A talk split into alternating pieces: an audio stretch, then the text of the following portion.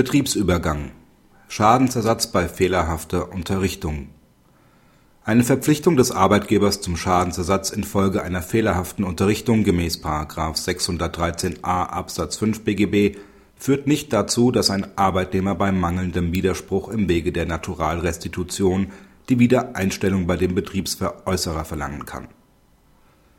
Hintergrund des zwischen den Parteien bestehenden Streits ist die Veräußerung der Telekommunikationssparte der Siemens AG an BenQ. Aufgrund früherer gerichtlicher Auseinandersetzungen steht fest, dass Siemens die im Wege des Betriebsteilübergangs im Jahr 2005 auf BenQ überführten Arbeitnehmer nicht ordnungsgemäß nach § 613a Absatz 5 BGB über den Betriebsübergang unterrichtet hat. Den betroffenen Beschäftigten stand infolge der fehlerhaften Unterrichtung ein zeitlich unbegrenztes Widerspruchsrecht zu. Der im Streitfall klagende Arbeitnehmer hat dieses Widerspruchsrecht nicht ausgeübt. Er verlangt nun gegenüber Siemens im Wege des Schadensersatzes die Wiederherstellung seines früheren Arbeitsverhältnisses sowie hilfsweise die Zahlung einer Entschädigung für den Verlust des Arbeitsplatzes nach Auffassung des BAG sind die geltend gemachten Ansprüche unbegründet.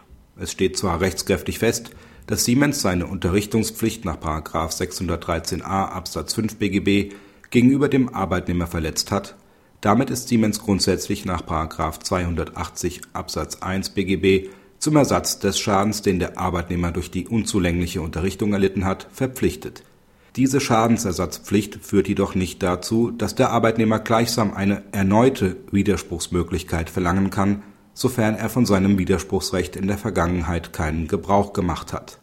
Mit der Möglichkeit, dem Übergang seines Arbeitsverhältnisses auf BenQ ohne die Einhaltung einer Widerspruchsfrist zu widersprechen, hat es der Arbeitnehmer in der Hand, den Fortbestand seines Arbeitsverhältnisses mit dem Betriebsveräußerer zu erreichen würde man dem Betroffenen ein weiteres Widerspruchsrecht im Wege des Schadensersatzes zuerkennen, würden letztlich die Regelungen bezüglich des Widerspruchsrechts umgangen. Auch der hilfsweise geltend gemachte Zahlungsanspruch auf Abfindung besteht nicht. Er folgt insbesondere nicht aus den Vorschriften der Paragraphen 111 und 113 Betriebsverfassungsgesetz. Die Voraussetzungen für einen Nachteilsausgleich liegen nicht vor, da die Übertragung des Betriebsteils im Streitfall kein Tatbestandsmerkmal des § 111 Betriebsverfassungsgesetz erfüllt.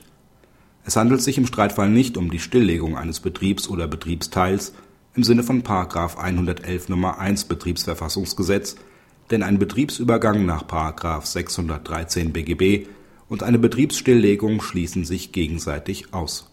Praxishinweis Die Entscheidung macht deutlich, dass die Verfolgung von Schadensersatzansprüchen infolge einer fehlerhaften Unterrichtung äußerst schwierig ist Bislang ist, soweit ersichtlich, kein nennenswerter Fall bekannt geworden, in dem ein Arbeitnehmer über diesen Umweg eine Wiedereinstellung bei seinem früheren Arbeitgeber oder substanzielle materielle Forderungen etwa Verdienstausfall hat durchsetzen können. Ist das mögliche Widerspruchsrecht einmal verwirkt, dürfte sich das Arbeitsverhältnis zumindest in praktischer Hinsicht für den Veräußerer erledigt haben. Das gilt natürlich nicht, sofern der Veräußerer im Innenverhältnis zum Betriebserwerber weitergehende Verpflichtungen, etwa hinsichtlich einer Beteiligung an den Freisetzungskosten für übernommene Beschäftigte, übernommen hat